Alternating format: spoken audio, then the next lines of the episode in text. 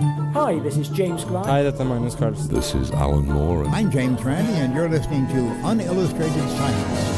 Stakk hodet sitt inn en partikkelakselerator. Velkommen til fremtiden. Universet. Spørsmålet er egentlig kan du få mennesker inn i?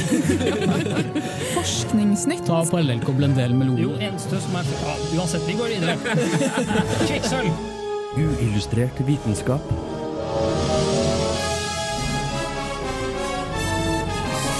Science, it works, bitches. I dagens sending får du et ekstraordinært intervju med Knut Jørgen Rød Ødegård. I tillegg diskuterer vi hva mennesker ville gjort uten verktøy, og du får vite litt om fotosyntetiserende snegler.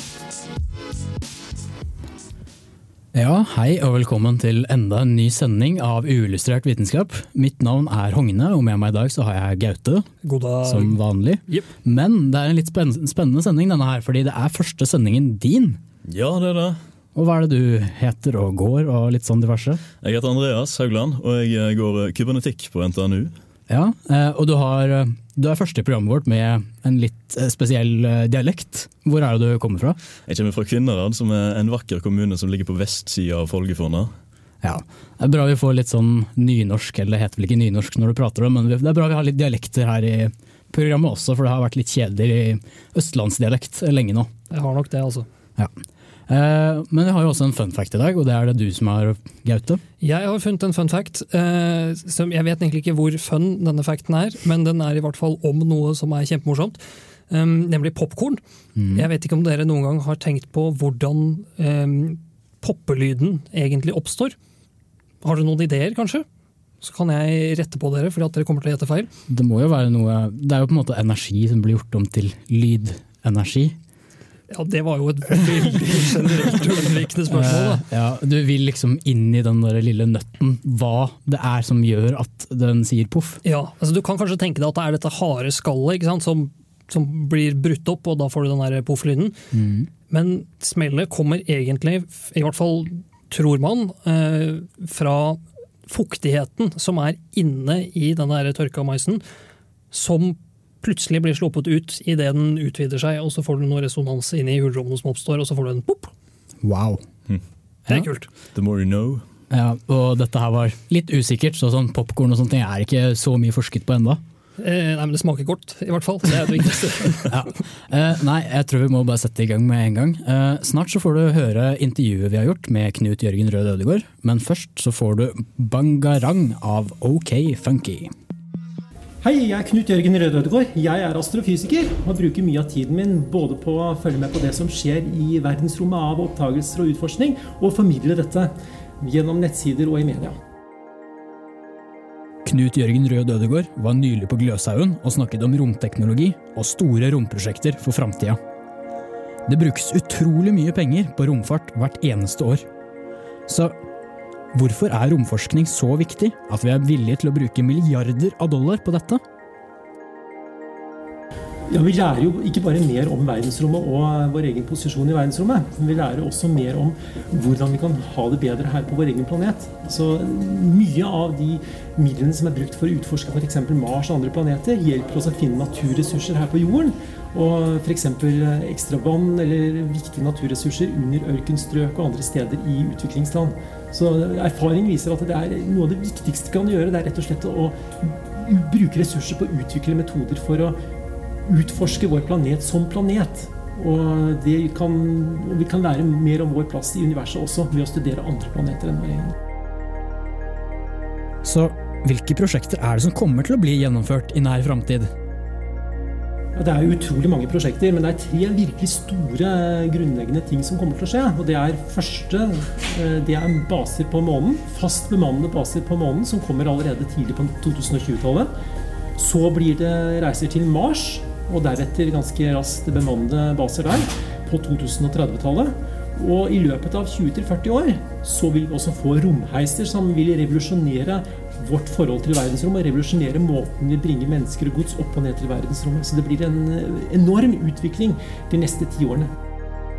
Og hva slags prosjekter har vi om vi ser virkelig langt inn i framtiden? Det neste store målet etter vårt århundre, det er å terraforme Mars. Dvs. Si gjøre den beboelig for oss mennesker. Vi kan puste der uten en romdrakt. Og det vil være mulig å dyrke vekster og rett og slett ha det som en jordklode nummer to. Og samtidig å reise til planeter rundt andre stjerner, som også ligger 100-200 år inn i fremtiden. Og hva kan vi egentlig lære av disse prosjektene?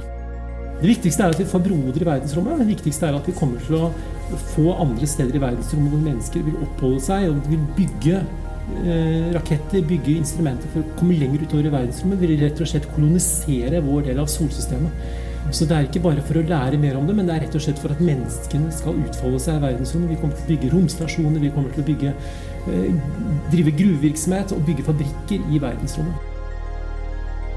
Og helt til slutt, hvilken romteknologi er det få har hørt om, men som kan bli en realitet?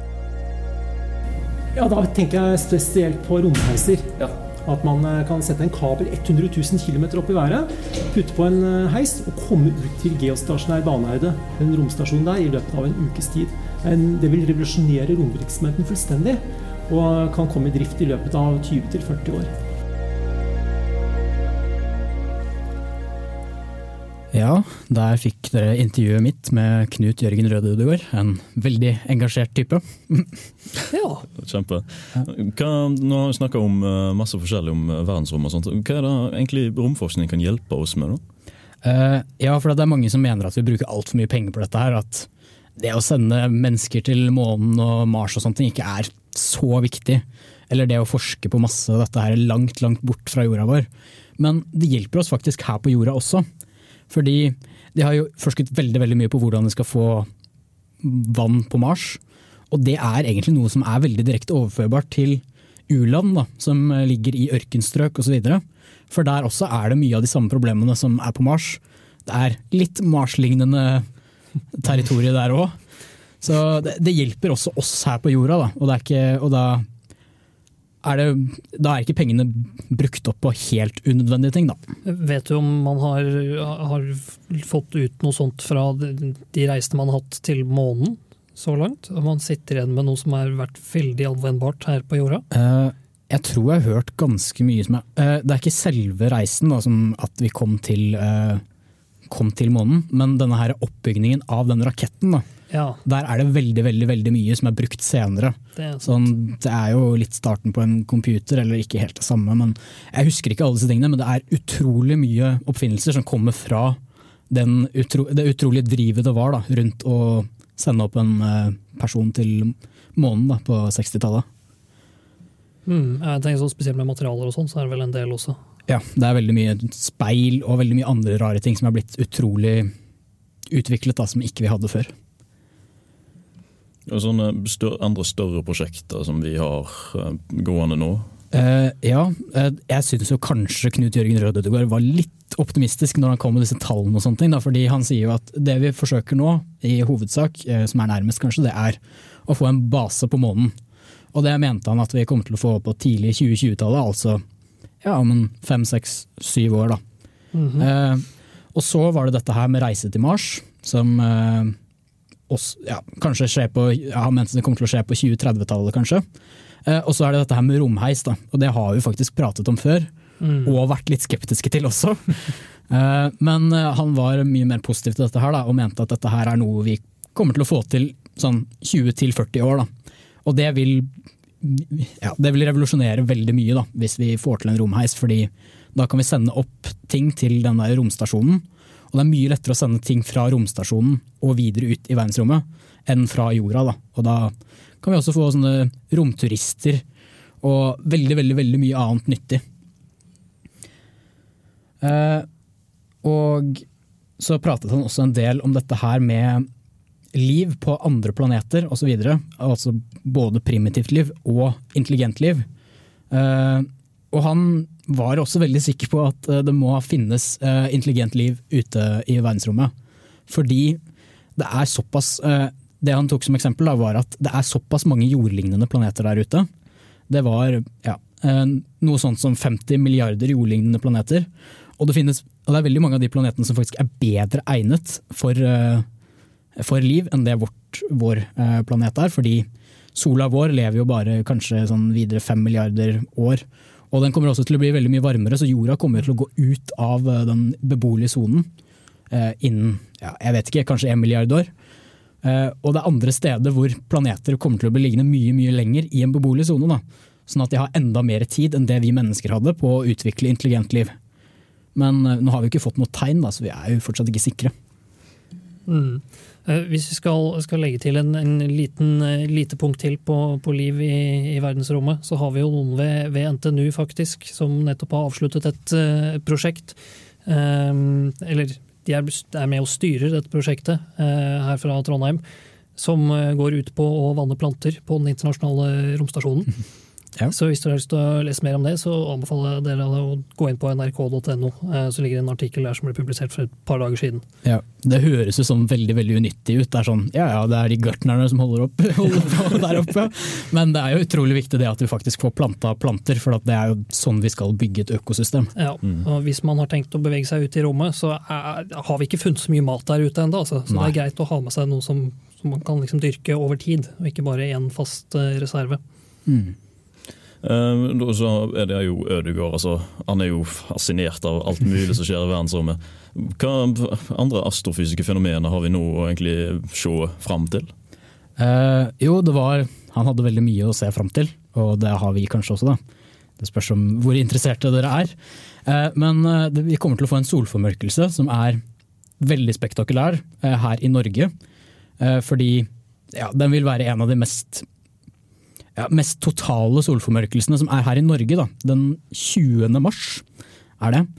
Eh, Og på Svalbard så vil det være total solformørk solformørkelse.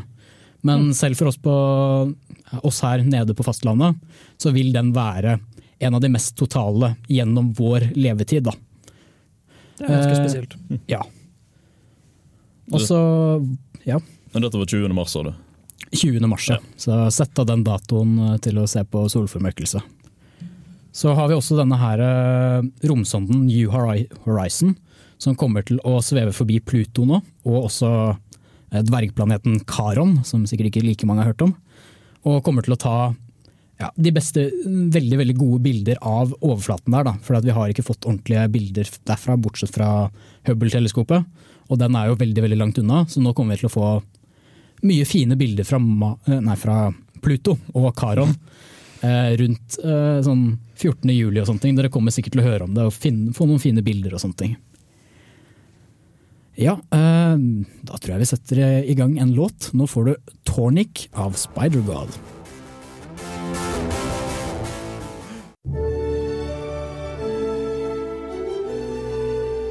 Hei, dette er Magnus Carlsen, og du hører på Uillustrert vitenskap.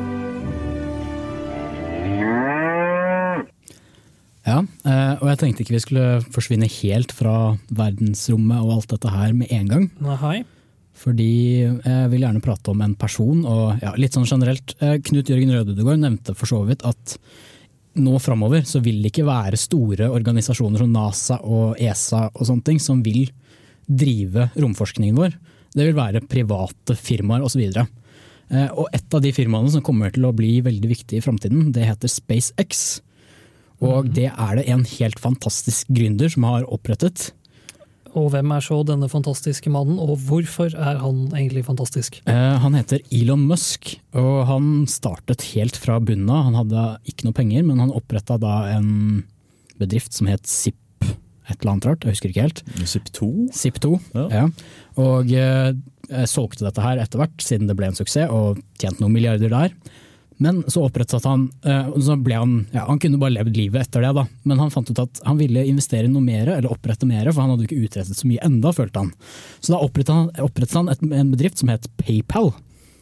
Det har jeg jo hørt om. Ja, for å si det sånn. Eh, og holdt på en stund der, og ja, solgte seg ut til slutt der, da. Eh, men han følte litt at han hadde ikke utrettet nok enda. Og, så han bytta helt bransje, og opprettet heller et bilfirma som het Tesla. Intet mindre. Det har jeg også hørt om, ja. Ja, eh, og der er han fortsatt inne, da. Men man han følte fortsatt at eh, ja, jeg har fått masse, lagd mye elbiler, eh, forandret verden noe, men jeg har ennå ikke gjort nok. Og det er der, der han har opprettet SpaceX. Eh, Og målet hans der var sende folk til Mars. Ja, sånn når, når du har eh, fått oppnådd det meste du klarer av ingeniørbragder på jorda, og fått til eh, ganske store eh, mål, Hvorfor ikke bare gå videre til verdensrommet? Ja, eh, det, eneste problemet var at han fikk jo ikke med seg investorer, og ingen som trodde på han. Eh, Så han holdt på i en del år. Eh, Og til slutt så fikk han sendt opp en rakett som var mye bedre enn alle andre raketter som NASA hadde. Og fikk en milliardavtale der, da. Så nå er det ingen som tør å si noe imot Elon Musk lenger, da, fordi alt han starter og oppretter, uansett hvor absurd det er, han får det til til slutt. da. Eh, Og det er nok han som ja, Han har også sagt at han ønsker å få en mann til Mars, og be, ja, etter hvert eh, bemannede baser der, da, men å få en person til Mars i løpet av 10-15-20 år. Vi får se hvem som blir raskest, da. Han og dette Mars One-prosjektet Ja. som vi har snakket om tidligere. Jeg har faktisk mer tro på Elon, One, nei, Elon, Elon Musk, fordi han har faktisk utrettet veldig mye, mens dette Mars One er litt sånn gimmick, kanskje? Ja. De, de har ikke vist til så mye som Elon Musk har gjort, for det er ingen som får lov å tvile på Elon Musk lenger. Nei, eh, men vi får forte oss videre i sendingen. Eh, Snart får du høre litt om fotosyntetiserende snegler, men først får du On and On av Joey Badass.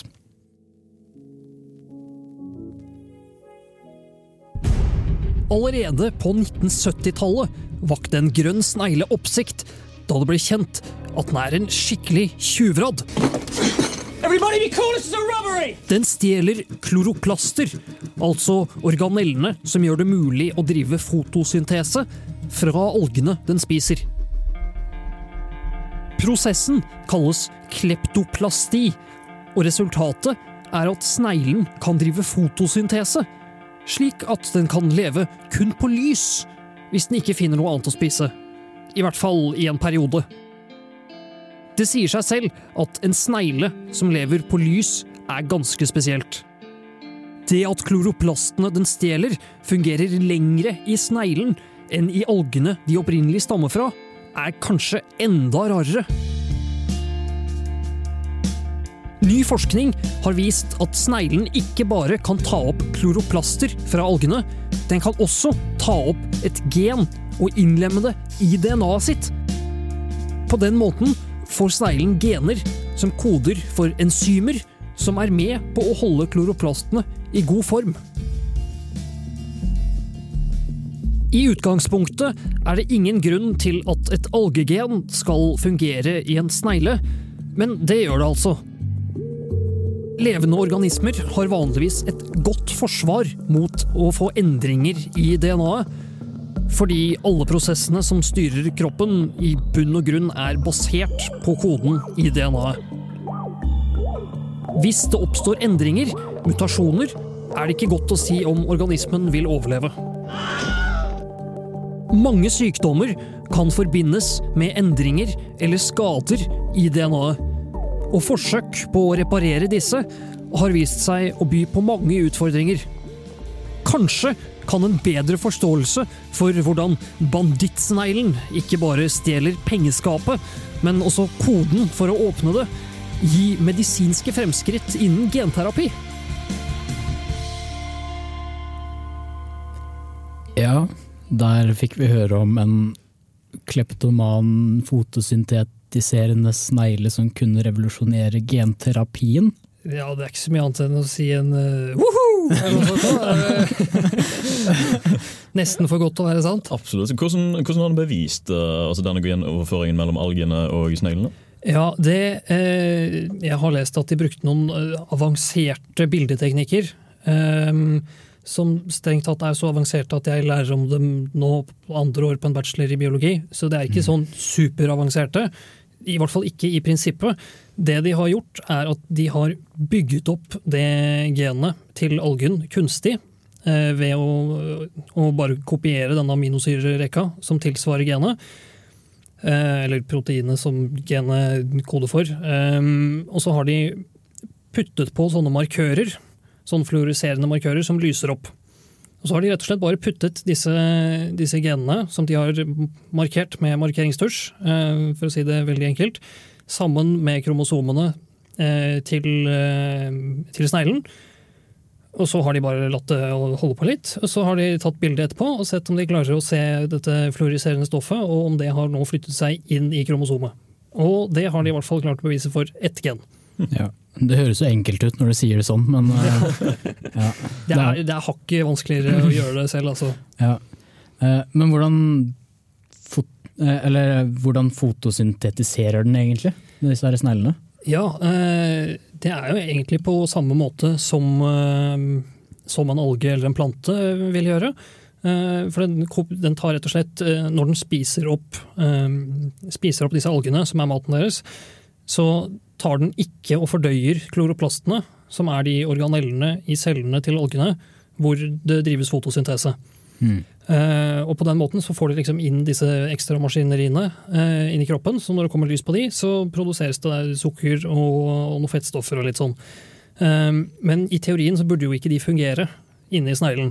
Nei. Eh, fordi at den har jo ikke noe system til å liksom, holde liv i dem.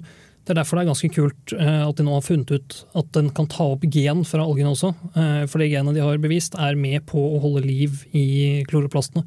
Så ja. Ja. Er det bare snegler som kan ta opp uh, gener og kloroplaster? Um, så langt så har man bevist denne genoverføringen i én snegleart. Uh, den heter så mye som uh, Elysia chlorotica. Men det er også flere sneglearter, eh, i hvert fall innenfor samme slekt, som, som gjør noe av det samme. Da. Men det, det, er, det er ulikt hvor gode de er til å holde liv i kloroplasten etterpå, og hvor lenge de lever. Mm. Men eh, ja, jeg sitter og hører, på, jeg hører om genterapi og sånne ting, men hva er egentlig det? Ja, genterapi, som blir nevnt helt til slutten av saken min, og som er det store hotte temaet, eller i hvert fall var det for 20 år siden, når man trodde det skulle revolusjonere medisin. Eh, og nå vet man nesten ikke hva det er lenger engang. I hvert fall ikke de yngre av oss.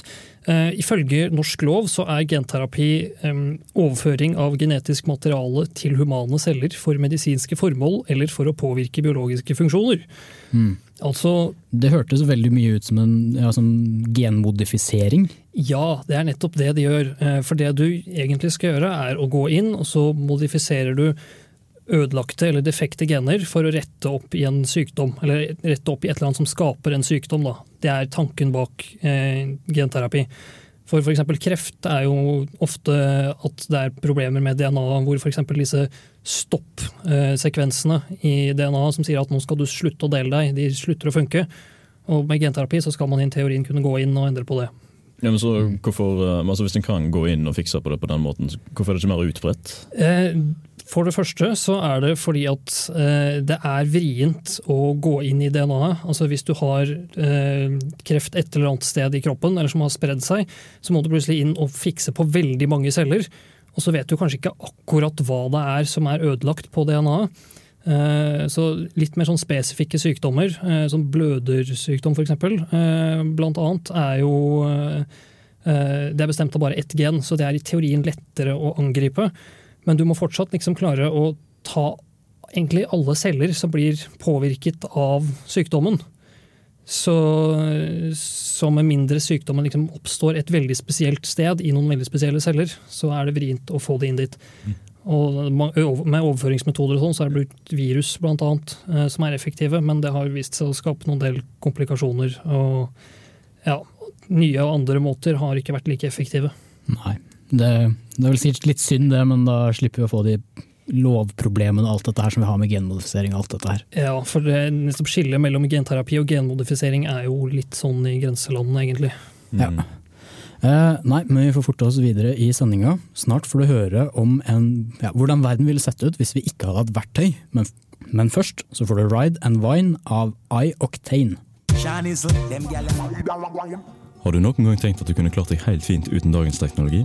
Ja, kanskje til og med uten noen form for verktøy? At du kunne konkurrert om ressurser blant andre mennesker på samme premisser som ville dyr gjør, og overlevd uten store problemer? Se for deg en situasjon der du uten all form for hjelpemidler, eiendom og andre selvsagte geistlige nødvendigheter. Du skal overleve i naturen, skaffe ferskt vann og mate deg sjøl og familien din. Det innebærer også at du må sørge for varme og ly for vær og vind.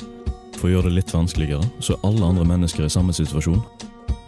Hvor lenge tenker du nå at du kunne overlevd? Hvor lenge kunne menneskeheten ha overlevd? Vel, først og fremst verktøy. Hva legger en i den definisjonen? Det er egentlig alt du kan tenke deg, mer spesifikt et eller annet som hjelper deg å utføre og nå et mål. Så uten tilgang på våpen eller feller, kan du egentlig takke farvel til festkjøtt. Da med mindre du klarer å snike deg inn på en eh, 300 kilo stor hjort og ta livet av den med enten tennene eller eh, hendene dine.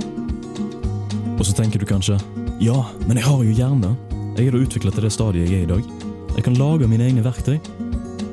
Ja, klart det er mulig, men uten det så ville menneskeheten ha dødd ut innen kort tid. Det er nettopp fordi vi som mennesker er så avhengige av verktøy, at kroppene våre har gått gjennom noe av de mest radikale endringene blant artene på jorda.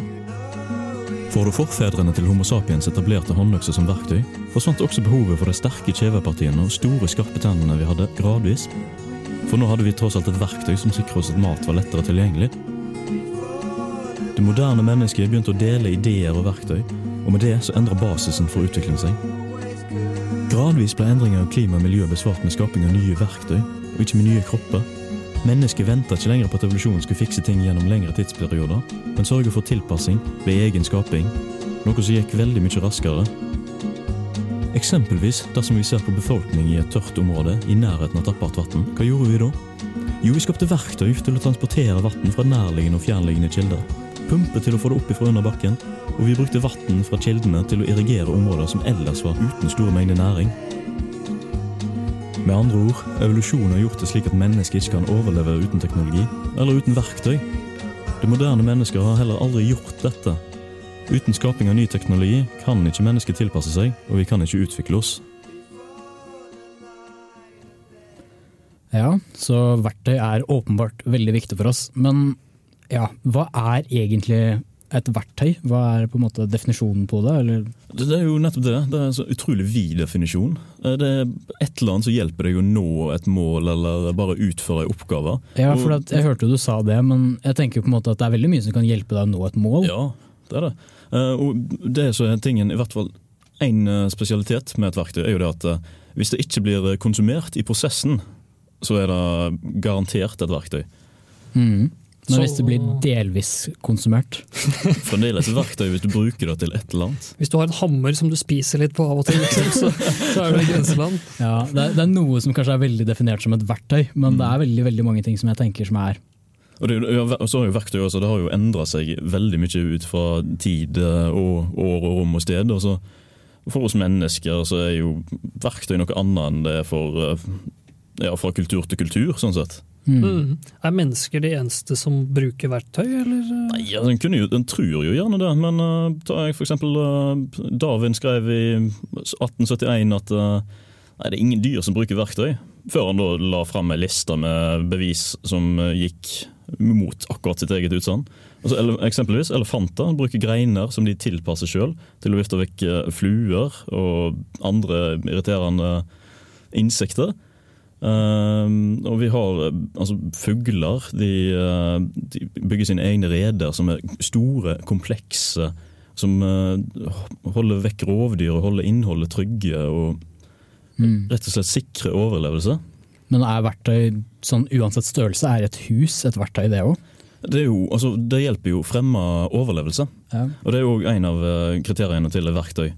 Det skal altså Enten skal det hjelpe deg å komme videre, nå et mål og få overleve, eller skal det hjelpe deg å tilpasse deg til å kunne klare å overleve. Men hva med bare for underholdningens del, da? Og ikke hjelper deg å overleve egentlig? Det er jo et menneskelig behov, egentlig. Altså et behov som er skapt av mennesker for å kunne fordrive tid, rett og slett. Men da, da kommer vi på alle den der behovspyramiden og alt dette her. Hva, hva er det som er et behov egentlig? Du trenger jo bare dekke dine grunnleggende behov for å overleve, men så har du mange andre behov. Nettopp. Men, eh, men apropos behov og sånn, er det alle fugler som har behov for å bygge rede og sånn? Eller noe som Ja, alle, alle har behov for å bygge reder, eh, men derimot eh, komplekse reder, altså sånn som så, Ta spurvefuglen, for eksempel. Du ser vi òg på et eh, ideelt eh, steg mellom eh, evolusjon og verktøybruk. Spurvefuglen har, en, har tre, føt, nei, tre tær på foten sin, og så har den en, tå som står bakover, som ganske lik som vår tommel. Hjelper de å gripe rundt og kan lage komplekse reder som er flere kamre, som tåler støt. Og det er jo helt fantastisk. Ja. Eh, men vi må bare forte oss videre i sendingen. vi. Nå får du Don't Let Me Down av The Dogs. Hei, jeg er Knut Jørgen Røde Ødegård. Du hører på Uillustrert, som er eh, like kraftig som en supernova, eller kanskje en hypernova. Like vakkert som en stjernehop, og like spennende som en Venuspassasje. Uillustrert vitenskap. Ja, da var det Knut Jørgen som fikk avsluttet eh, denne sendingen, fordi vi er dessverre ferdige nå. Det føles litt sånn trist musikk nå i dag, men det var vel helt tilfeldig. Uh, ja. Vi har hatt en fantastisk tekniker som heter Fredrik i dag. Eh, jeg har hatt med meg Gaute. Ha det bra. Og vår nye medlem, eh, vårt nye medlem Andreas. Ha det bra. Og mitt navn er Hogne. Vi ses neste uke.